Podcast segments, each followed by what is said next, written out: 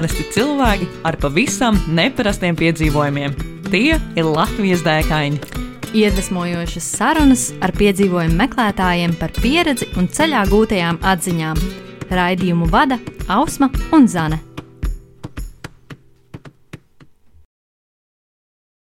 Esiet sveicināti Latvijas dēkāņu 47. epizodē. Ar jums šodien kopā Zane Ausma un mūsu burvīgā viesņa Austra Pleša. Čau, Austra! Jā, čau visiem! uh, nu, Austra, mums abām ar Ausmu ir zināma dēkaine, viņa ir mm -hmm. ceļotāja, un, uh, kā mēs noskaidrojām aizkadrā, tad ikdienas darba gaitas pavada mārketingā. Uh, Austra, varbūt vēl ir kaut kas, ko tu vēlies uh, pieminēt mūsu klausītājiem par sevi. Jā, nu, mārketings tā noteikti ir viena lieta, bet vēl pieminēšu, ka ikdienā dziedu korī Juventus. Oh, cik oh, forši! tā ļoti aizraujoša, man liekas, tāda nodarbe. Es atceros, man matemātikas skolotāja teica, ka vienmēr um, vajag trīs lietas dzīvē - sportu, matemātiku un kori. Un tad, tad viss izdodas. Viņa teica, ka tad cilvēki esat nereāli krūti un kā, izdodas viss. Nu, veiksmes recepte. Pavisam no visa. Jā. Uh, nu tad es esmu sveicināta pie mums ciemos, uh, mūsu viesmīlīgajās telpās Latvijas dēkaņos. Un tad mums ir tas jā, jautājums, ko mēs jautājam. Uh, nu šķiet, ka katram viesim, kas ir pie mums bijis. un, uh, un tad tas ir, kas tad ir tā lielākā dēka, kurā tu līdz šim esi bijusi? Jā, nu ikdienā tās lielākās dēkas sanāk vairāk vai mazāk dažādas, bet ir viena dēka, kas joprojām ir pati pati lielākā, un šī dēka bija 2016. gadā, kad kopā ar draugu Mārtiņu, kurš gan šobrīd nav ieradies kopā ar mani, mēs devāmies ceļojumā apkārt Eiropai. Un, to mēs darījām gandrīz piecu mēnešu garumā, kad, pabeidzot universitāti, ar stopiem nolēmām doties tajā lielajā piedzīvojumā un apceļot Eiropu. Oh, cik forši! Sanāk, ceļā devāties jūnijā. Vai... Mēs devāmies, es pat precīzi atceros, 29. jūlijā. Oh. Jā, pabeidzām universitāti jūnija beigās, tad apmēram mēnesis sagatavošanās darbi, un tad jau startējām. Tas bija tāds um, plānots tieši. Jūs domājat, ka okay, jūs pabeigsiet uh, universitāti, un tad jūs dosieties, vai tas vienkārši tā kaut kā sakrita, ka tieši tas mēnesis pēc tam? Ar tām biļetēm bija tā, ka sākotnēji mēs īstenībā stopējām no Berlīnes, jo nu, Lietuva, Polija, teiksim, tā tur jau vairākas reizes būtu un gribējām varbūt to, mēr, nu, to stopēšanu sākt nedaudz tālāk. Bet jā, tas bija diezgan apzināti. Tas, ka mēs tur pavadīsim Eiropā apmēram 5 mēnešus, tas galīgi nebija apzināti. Tas vienkārši tā sanāca. Bet jā, mēs tam gatavojāmies, jo toreiz arī, kad mēs studējām, tad bija tā doma, nu, kad tad vēl, ja ne tagad, un, uh, attiecīgi, protams, tagad arī īsnībā tas ir apstiprinājies, jo ikdienā abi strādājam pilnu laiku darbā. Un, uh, jā, un tad toreiz bija tā, ka, ja, ja nekad, kad tad vēl, ja ne tagad? Mm -hmm. Un kas tad bija tas jūsu mērķis, ja jau jūs uh, plānojat, un bija vesels mēnesis, vai jūs uh, plānojat to gala mērķi un kaut kādas pieturas punktus, vai kāds bija tas plānošanas process, un jā, kas tad bija tas gala mērķis? Jā, nu galamērķis arī īstenībā nebija tāds noteikts, jo īstenībā toreiz es pat nezināju, vai vispār man tas patiks, jo uh, draugs pirms tam bija stopējis, viņam bija attiecīga pieredze, man tā pieredze var teikt, vispār nebija. un es nezināju, vai, vai vispār patiks, jo tāpēc arī mēs nopirkām to biļeti toreiz tikai vienvirzienā, ar domu tādu, nu, ja nepatiks, tad vienmēr var, tā sakot, griezties riņķī un braukt mājās. Mm -hmm. un, uh, līdz ar to tie galamērķi īsti nebija. Ok, kaut kādas pirmās dienas, jā, mēs saplānojam, kad, piemēram, mēs zinājām, ka gribam aizbraukt uz Amsterdamu, uh, jo nekad nebija tur bijusi, tāpat arī Berlīne, kas bija varbūt tādi pieturpunkti, bet jo tālāk mēs devāmies, devāmies, jo tālāk mēs stopējām, jo mēs sapratām, ka patīk tā lieta arī man, un tad mēs vienkārši kaut kā tā uh, devāmies pa straumi. Organiski pavadot tur piecus mēnešus. Oh. Izklausās ļoti iespaidīgi. nu, tā mums sanāca, jā. jā, un tad uh, visu to laiku jūs arī stopējāt. Es saprotu, pārvietojaties ar stopiem, vai arī jūs izmantojat uh, mašīnu, kaut kad noīrējāt, varbūt, vai ar autobusiem kaut kur pārvietojāties. Jā, nu mēs visu šo laiku tiešām arī stopējām. Bija varbūt kaut kādas pāris reizes, kad nu, galīgi, galīgi sasprūdām, kā saka, kā reizēm gada stopēšanā. Un tad gan bija tā, ka mēs izmantojām blablakāru, kas ir attiecīgi populārs, teiksim, dienvidu valstīs, un, bet tās reizes tiešām bija, cik es arī tagad atceros, vien pāris. Tā kā būtībā visu šo laiku mēs tiešām arī stopējām. Oh, super. Vai uh, bija kādas tā mājaslapas, kuras jūs pētījāt par stopēšanu pirms jūs devāties ceļā? Jā, uh, droši vien stopētājiem arī tie, kas to ir darījuši, pazīstams Hitchviki, mm -hmm. uh, kā Wikipēdija, tikai priekš stopētājiem, kā man patīk teikt. Un, uh, jā, tur var iegūt informāciju par uh, labākajām stopēšanas vietām, attiecīgi apskatīties, ko citi stopētāji arī iesaka, un to mēs arī ņēmām vērā, tad, kad mēs to pašu darījām. Un, jā, un īstenībā tas ļoti arī daudz ko palīdzēja, jo reizēm tiešām tās vietas ir tādas īpašas svešā zemē, svešā valstī, kur iet, ko darīt, un tad tu apskaties internetā, un viss ļoti ērti var izdarīt. Par Hitchvikiem man arī jāpiemina, ka man liekas ļoti forši, ka tur ir uzskaitīti kaut kādi noteikumi, teiksim, ka uz autobāņiem nē, tu nevajadzētu stopēt, jo, nu, visdrīzāk jums uzliks sodu. jā. Nedrīkst precīzi. Un, uh, jā. Tad uh, varbūt vēl par to plānošanu mazliet ieskicējot, kas tad bija tas, kā jūs gatavojāties šim piedzīvojumam.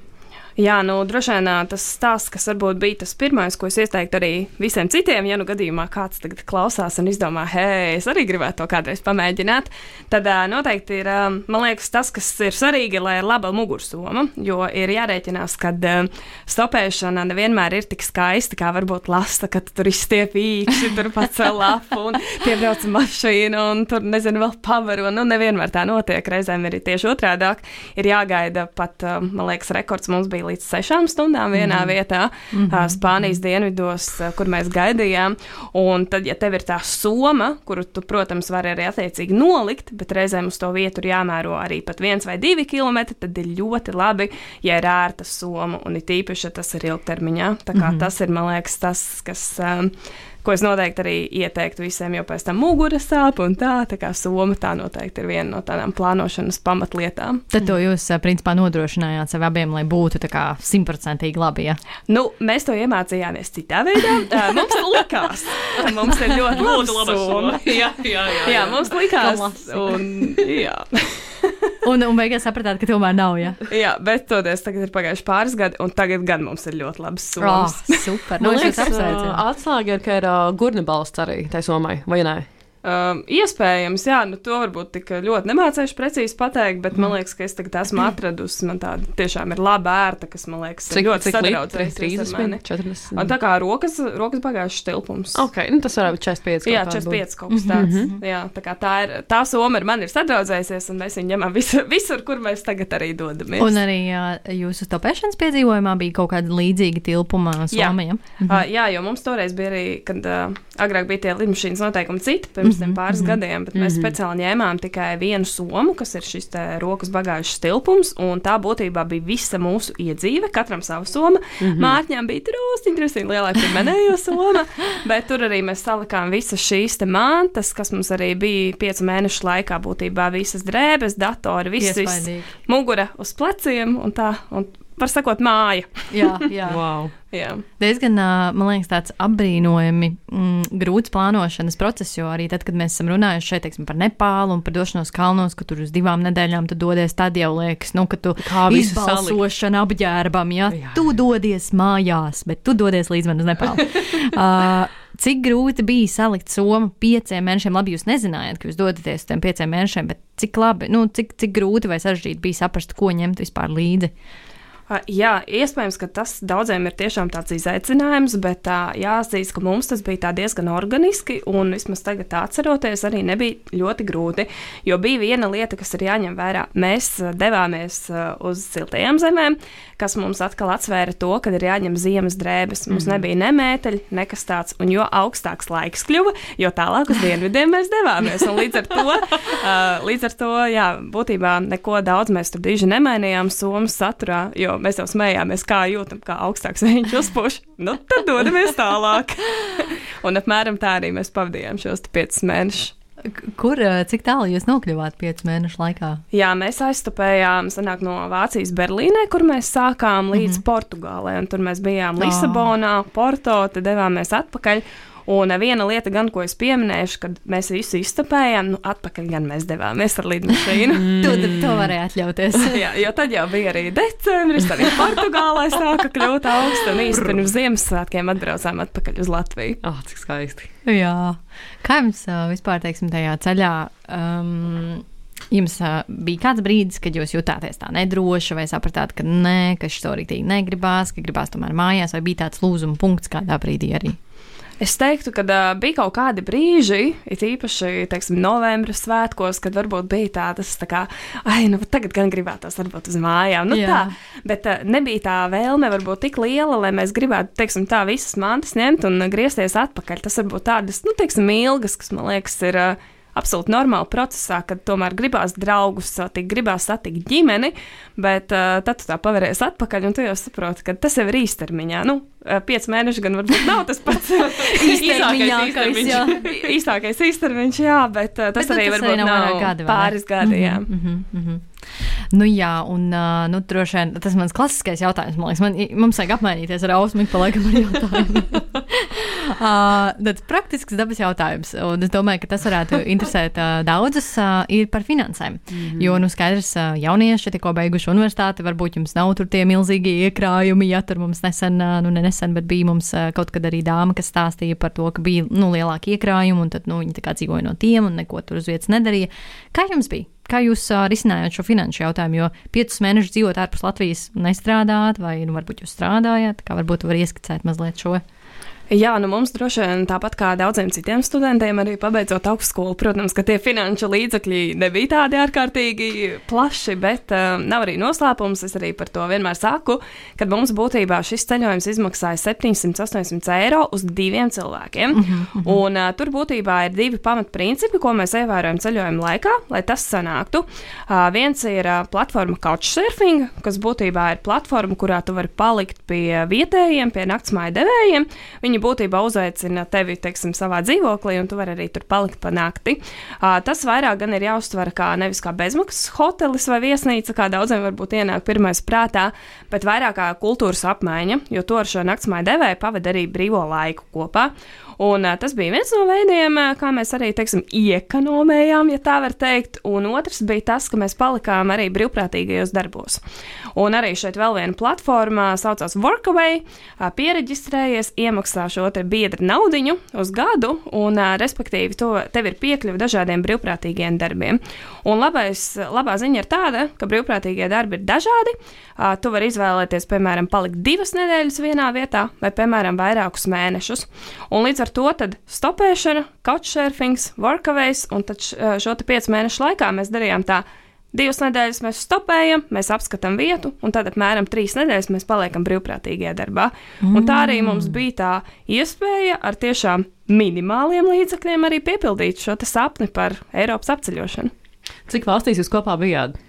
O, oh, tagad jāskaita. Jā, nu sanāk Vācija, mm -hmm. Beļģija, Francija, Spānija, Portugāle, Nīderlanda arī, laikam. Un- jā, Jā, Nīderlande. Nīderlande. Un laikam tas arī viss. jā, Vai nu, katrā no uh, valstīm arī strādājāt? Uh, jā, brīvprātīgajos darbos. Ah, atcerējos, Francija. Mēs divos brīvprātīgajos darbos tur bijām. Jā, nu kāds laiciņš ir pagājis no tā ceļojuma, bet uh, būtībā tā, tā bija tā Eiropas puse, kur arī mēs tā apceļojām. Mhm, mhm. Kas varbūt bija tāds interesantākais uh, workaway darbs, uh, ko jūs darījāt? Jā, tas noteikti bija pēdējais Vorkavē darbs. Uh, tas bija Portugālē, arī Portugāles dienvidos, un tas bija tāds um, mini zooloģiskais dārzs. Un tas bija ārkārtīgi cik interesanti. jauki. Jā, jo tur tiešām tur bija visādi tādi jauki dzīvnieciņi, visādi putniņi, surikati. Un, jā, un mūsu uzdevums bija rūpēties par šiem dzīvniekiem. Mēs bijām vairāk brīvprātīgi arī no dažādām valstīm. Pārsvarā gan no Anglijas bija brīvprātīgi. Un, jā, un tad mums bija tas dienas plāns, ka piecas, die, eh, piecas stundas dienā tu arī pastrādā. Un, jā, un attiecīgi pēc tam tu saņem naktsmājas un šīs te, mm, šo te ēdienu, kas ir tā brīvprātīga darba, nu, tā pati pamatdoma. Tā kā samaksa, ja tā ir tā kā Tā jūs. ir kā samaksa. Mm -hmm. Jā, tā kā 5 stundas tu pastrādā, un tad naktsmājas un kāds tev Un divas brīvdienas. Jā, super. Izcili. Um, kas būtu varbūt um, tāda lieta, ko tu ieteiktu kādam, kas uh, varbūt nekad nav stopējis, līdzīgi kā tu biji savā ceļa sākumā, uh, ko noteikti vajadzētu ņemt uh, vērā, teiksim, dodoties tādā ceļojumā? Jā, man ļoti patika, ko Ausma teica par Hitchviki, ka tur arī ir padomi, ko, ko kā ņemt vērā, ka mm -hmm. nevajag uz šī autobāņa. Nu, tad es noteikti ieteiktu apskatīties arī Hitchviki un noteikti nestupēt naktī. Mm -hmm. uh, nu, nevajag to darīt. Uh, ir, es zinu, ka ir arī ceļotāji, kas to dara, kuri varbūt ir tādi riskējami, bet es laikam nevienam neieteiktu to darīt. Uh, ieteiktu stopēt tiešām dienas gaišajā laikā, un varbūt sākumā nedoties, varbūt uh, kā es, teiksim, ar draugu uzreiz pieci mēneši, mm. bet pamēģināt kaut kur tuvāk pastapēt. Varbūt kaut kur Latvijā, varbūt līdz Tallinē aizkļūt. Nu, teiksim, uh, tuvākus maršrutus, lai vispār saprastu, vai patīk tas, jo var jau būt, kad uh, lasot un dzirdot, izklausās viss tiešām skaisti un forši, bet iespējams, ka varbūt labāk ir, uh, teiksim, braukt ar autobusu vai ar mašīnu, jo mūsdienās jau tiešām tās iespējas ir ļoti daudz un dažādas. Man liekas, pēc pieciem mēnešiem, uh, it īpaši tu minēji, ka tev bija tā reize, jums bija tā reize, kad jūs uh, pat sešas stundas gaidījāt. Varbūt tev ir uh, kāda um, ideja, kāds ieteikums, ko cilvēkam darīt, kad viņš stopē, nu, bet nu, neviens nestājas. Varbūt ir varbūt kāda īpaša tehnika, ko jūs izstrādājāt, kas, uh, o jā, tad, kad tu, es nezinu, tur laikā, vai uh, kas uh, liekas šoferiem apstāties, vai arī, ja neapstāties, tad vienkārši ko darīt, kad tev neveic stopējot. Jā, nu droši vien tajā brīdī, kad liekas, kad, uh, kad tu stāvi, tu gaidi to mašīnu un nevienu neapstājas, var nezaudēt optimismu, jo kaut kad jau tā viena mašīna būs, agrāk vai vēlāk. Un uh, viena lieta, gan laikam no tādām praktiskajām, uh, ko es varbūt esmu novērojis, ka nevajag likt saules brilles, jo tad mm. tas cilvēks īsti, man liekas, tevi nevar redzēt, un, uh, un kā saka, tu nevar arī to skatienu noķert. Tā kā to Cik gan es interesanti. Jā, par šo es pat nebūtu nekad iedomājusies. Tas tāds ļoti labs uh, ieteikums, man liekas, jo tagad, kad tu tā pasaki par tām saules brillēm, tad uh, tā jau ir laikam, tu jau vai nu tev ir tas acu kontakts ar to cilvēku, kas stāv malā vai nav. Un, ja tev tās saules brilles, tad jau tu nemaz neredzi. Tu pat tik stilīgi izstāsti. Nē, nu, varbūt jā, bet tad tu sešas stundas stāv un neviens tev nepaņem, tad... kamēr nepaliek tumšs. un tad vajag noņemt vienkārši nost. Jā, nu tad iespējams, ka sālsbrīlis ir pie vainas, bet uh, vēl viena lieta, ko gan es ieteiktu, kad uh, varbūt daudzi pacelt to īkšķi augšā, bet mēs darījām tā, ka mums bija A4 lapa. Uh, Mums bija flomasters, un mēs rakstījām galamērķi vietējā valodā vienmēr uz šīs A4 lapas, jo tad arī, ka šoferis, teiksim, viņš brauc ar mašīnu, viņš arī var redzēt, vai nu viņš uz turieni brauc, vai nu viņš nebrauc. Un tas arī īstenībā ļoti iekonomē laiku, tāpēc, ka, piemēram, ja tu pats līkšķi apstājas šoferis, bet iespējams, varbūt viņš vispār nogriežas nākamajā krustojumā un ne, ne tūmā nebrauc uz to vietu, kas ir tev vajadzīga. Man gribās pieminēt, ka, ok, tad, kad tu stopē ko, kopā ar kādu, ok, man liekas, tas ir tā forma forši rakstīt to galamērķi, bet tajā pašā laikā, kad tu stopē mm, un ja pietur kāda mašīna, ka tu jūti, ka nu, man īsti negribētos kāpt iekšā, bet viņš jau zina, kur tu brauc. Un tad, vai jums gadījumā negadījās šādi arī kādā reizē, kad kāds apstājās, kad tev liekas, nu, šitajā mašīnā varbūt nekāpjam? Uh, jā, īstenībā mums bija viens tāds gadījums, un tas arī laikam ir uh, tāds tā kā iekšējā sajūta, kad man arī kaut kā liekas, ka tai tomēr ir jāklausa. Mm. Un mums tiešām bija tāds gadījums, ka mēs stopējām, un īstenībā mēs pat bijām pagaidījuši kaut kādu ilgāku laiku, un neviena mašīna nestājās, un apstājās viena mašīna, bet kaut kā mums abiem nebija tā sajūta, ka vajag kāpt iekšā. Es pat neatceros toreiz, kā mēs tā kā atrunājāmies, jo mums bija tā lapa, mm -hmm. bet uh, kaut kā mēs tur tā eleganti izgājām no situācijas. Un, jā, un mēs tiešām arī gaidījām nākamo mašīnu un sagaidījām, un īstenībā, kas bija baigi jauki, tā nākamajā mašīnā bija ļoti jauks vīrietis, un viņš jau mums iedod tādas metro biļetītes, kas pilsētā noderēja oh, kā dāvanu. Tā kā atmaksājās, jā, jā. laiks gaidīšana. Jā, jo citreiz arī stopējot, kad ilgāk gaida, jau ir tāds besis riktīgs. Un tad, tā, nu, kad negribas, un tad brauc tā mašīna, izstāsta riktīgi sketči un tā dīvaini, bet, nu, labi, tā kā, jā. Un, starp citu, vēl viens ieteikums par stopēšanu. Man uh, divi draugi, kuri stopēja, sveiciens uh, Rēnim un Elzai. Uh, viņi stopējot, uh, bija izgriezuši no kartona tā kā roku rīkšķīti. Oh, tā kā tā nav jātur roka no. visu laiku, bet viņi pie somas bija piestiprināts. Un, nu, es, es ticu, ka viņi roku tāpat tās cēlā, bet man liekas ļoti tāda oriģināla ideja, kā to arī arī uh, papildināt savu stopēšanas pieredzi. Vai jūsu ceļojumā bija kāds cilvēks, varbūt, kas īpaši jums palicis atmiņā, esot prom? Jā, īstenībā mums ir tāds cilvēks, un mēs pat ar šo cilvēku esam satikušies arī pēc pāris gadiem, pēc šī lielā Eiropas ceļojuma. Un, jā, tas bija um, arī Couchsurfing naktsmāja devējs, pie mm -hmm. kura mēs palikām arī Katalonijā. Un pilsēta saucās Žirona, un toreiz tā visa draudzība tik ļoti, laikam, mums tik labi kaut kā saskanēja, kad uh, gribējām arī satikties pēc tam. Un uh, to arī izdarījām. Arī atgriezāmies Barcelonā, kas arī Eiropas ceļojumā bija viena no mūsu pieturu vietām. Un toreiz mēs arī aizlidojām atpakaļ pēc kāda laika un atkal ar viņu satikāmies. Tā kā ir draudzības, kuras vēl ir palikušas, un Instagramā arī viens otram piesakojam joprojām. No, bet šis arī, šis arī, manuprāt, ir ļoti, ļoti forši, kad dodoties. Un īpaši tādos couchsurfingos, nu jā, ka it kā tev ir jāpavada to šo, ar šo cilvēku laiks, un tad, nu, tev ir jārēķinās, ka kaut kāds laiks jāvelta šim couchsurfing cilvēkam. Bet, ja jums tā forši sajiet un saskan, tad jau Riktīgi forši. Varbūt Austra tev ir vēl kāds ieteikums, ņemot vērā, ka visus šos piecus mēnešus tu teici, ka jūs bijāt kopā ar draugu. Un es ticu, ka nu, tik ilgā laika posmā esot kopā, nu, kad gan jau kaut kurā mirklī paliek izaicinoši. Varbūt tev ir kāds uh, padoms klausītājam, kā nu, kā izturēt, vai kā, kā, kā turpināt viens otram. Vai nu kā, lai, kā lai abiem ir rīktīgi forši tik ilgu laiku? Ir taču tas teiciens, nu, ja jūs esat kopā ceļojumā bijuši, te jau drīkst precēties. ah, jā. um, jā, nu, uh, droši vien. Uh, tas, ko es varētu ieteikt, jo mēs joprojām esam kopā. Tā kā izturējām šo ceļojumu, jā, bet uh, sveiciens Mārtiņam, kurš droši vien tagad arī klausās. Čau, Mārtiņ. Čau, Mārtiņ, jā. Uh, vienot sakot, uh, laikam tas, ko es gribētu ieteikt, ir uh, saprast to, ka um, otram cilvēkam var būt dažādas intereses, un nevienmēr jums, jūs gribēsiet turbūt iet uz tām vienām apskates vietām, bet vienkārši nu, kaut kā pieņemt to un, un vienkārši kā, rast to. Nu, kā, Vidusceļu. Vidusceļu, jā, tas mm -hmm. ir ļoti labs vārds. Un tad jau viss pats no sevis notiks. Bet bija kaut kāda brīža, kad jūs aizdomājāt, nu, kādu dienu pavadīt atsevišķi, piemēram. Um, es pat īsti neatceros, iespējams, ka uh, brīvprātīgajā darbā varbūt bija kaut kādas dienas, kad mm -hmm. varbūt uh, vakarā viens tur grib iet uz pilsētu, cits varbūt vienkārši grib atpūsties. Tādas dienas, jā, bija. Mm -hmm. Bet uh, jāsaka, ka visu šo laiku mēs tiešām tā kā cimdiņš ar rociņu visu šo laiku pavadījām kopā oh. un joprojām pavadām. Cik jauki.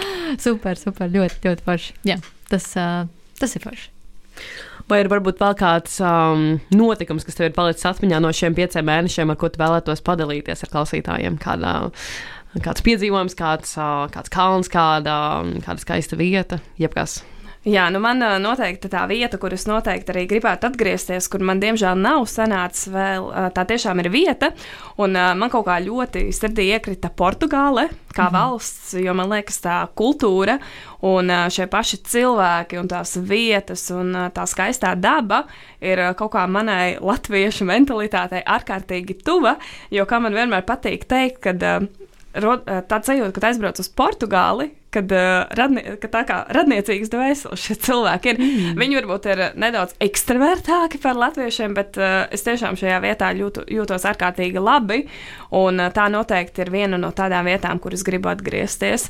Jo tiešām daba tur ir ārkārtīgi skaista, tur ir ļoti garšīgas kūciņas, oh, pasteldenāta. Mm. Pasteldebelam. Mm. Jā, un tā vieta tiešām man ir ārkārtīgi iekritusi sirdī. Un es ļoti, ļoti ceru, ka kaut kad, cerams, drīzāk nākotnē sanāks arī tur atgriezties. Vai arī bildē ir attēlota Portugāla? Uh, šī nav Portugāle, uh, tas ir Gibraltārā, mm. bet uh, nav baigta. No ļoti tuvu. silts, silts, silts. silts jā. Nav karsts, bet ir silts. Tieši tā. Nu jā, tad uh, droši vien pievēršoties, uh, pievēršoties. pievēršoties uh, raidījuma otrajai daļai. Mm, uh, tad uh, nu, nevienam jau vairs nav noslēpums, laikam, ko mēs parasti jautājam mūsu viesiem. Nu, Zani, pajautā. Tad, uh, jā, Austra, kas ir tā lieta, ko tu ieteiktu īstenot tepat Latvijā?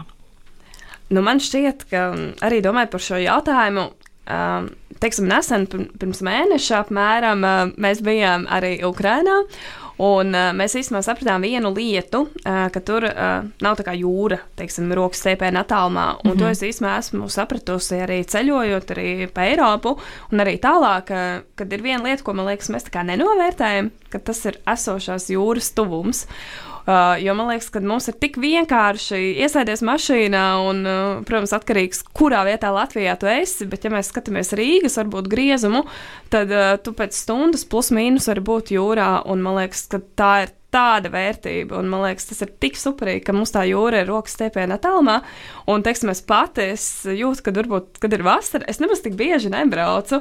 Un arī paraugoties savā, teiksim, burbulī, es dzirdu to no pārējiem. Bet tad, kad tu aizbrauc uz kādu valsti, kur nav tā jūra, tu, tu dzirdi, ka cilvēki tiešām jums ir jūra.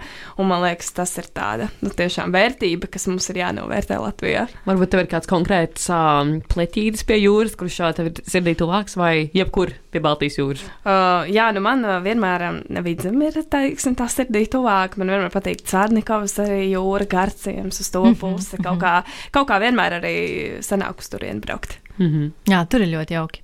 Un uh, es uh, pilnīgi piekrītu par to, ka esot ārpus Latvijas. Um, jūt uh, to trūkumu. Jo es atceros, mēs ar Ausmu, tad, kad bijām Nepālā, arī kur ir ārkārtīgi skaisti kalni, un tev liekas, vienkārši tāds skaistums vispār, nu, pasaulē nekā skaistāka nav.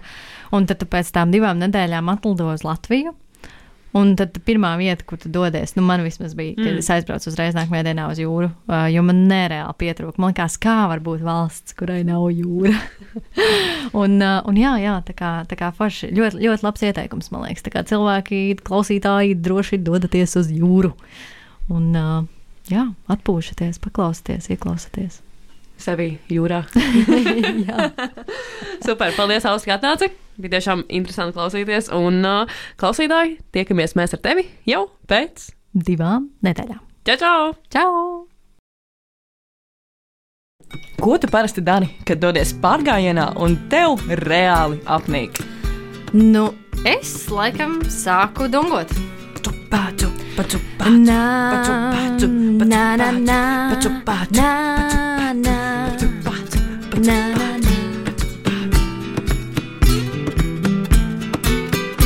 Iedvesmojošas sarunas ar piedzīvojumu meklētājiem, viņu pieredzi un ceļā gūtajām atziņām. Katru otro trešdienu, 2011. Radio Naba Viļņos. Raidījumu vada Ausma un Zana.